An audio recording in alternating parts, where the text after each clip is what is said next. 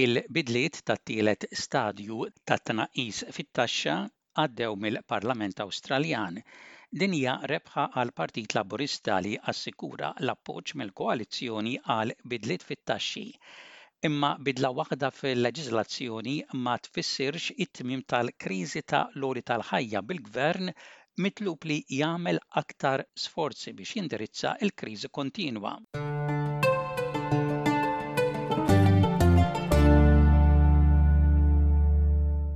Il-Laburisti rebħu l-ewwel battalja politika tagħhom din is-sena bil-bidliet tat-tielet stadju tat-taxxa jgħaddi mill-Parlament Federali. This is a huge win for all 13.6 million Australian taxpayers. It means that 84 per cent of Australians will get a bigger tax cut than they would have under the Liberals' plan. It-tielet stadju tat-tnaqqis fit-taxxa kien il-pass finali tal-bidliet fit-taxxa fil-leġiżlazzjoni mill-Gvern ta' koalizzjoni ta' qabel.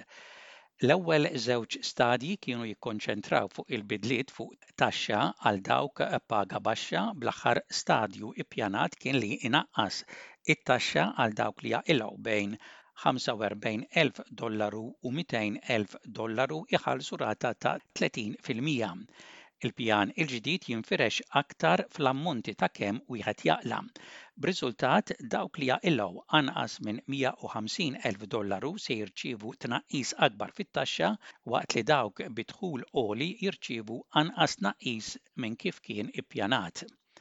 Il-Laburisti wegħdu li ma kinux ser jagħmlu bidliet fit-taxxa qabel l-elezzjoni tas-sena 2022, imma kisru l-wegħda aktar kmieni din is-sena.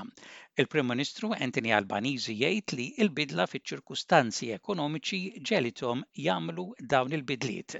We made not an easy decision, we made the right decision for all the right reasons. Uh, we know that families are under cost of living pressure. The idea that we could sit back and ignore the clear recommendations that this was the best way that we could have an impact of providing that assistance to middle Australia without putting upward pressure on inflation. We couldn't ignore that. Il-koalizzjoni vvutat favur il-bidliet imma sejħet din il-mossa bħala wegħda li kiser il-Gvern. Angus Taylor jgħid li huwa ddiżappuntat bil-mod kif saru l-bidliet.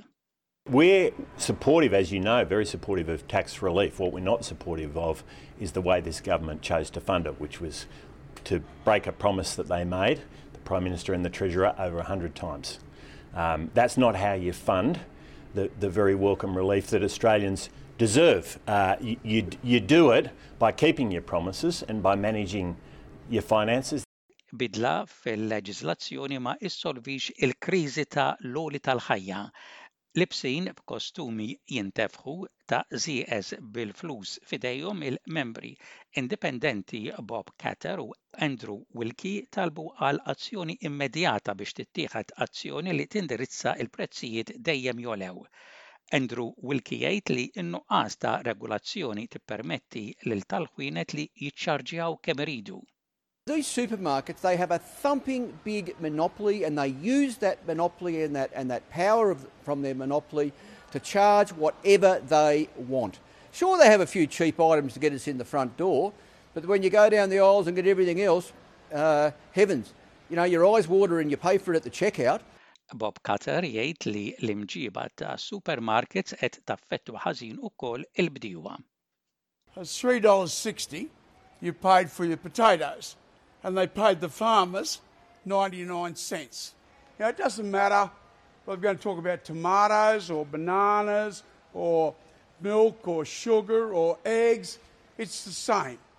And I mean, are we just going to continue with them screwing the farmers down through the floor and charging the consumers a squillion dollars?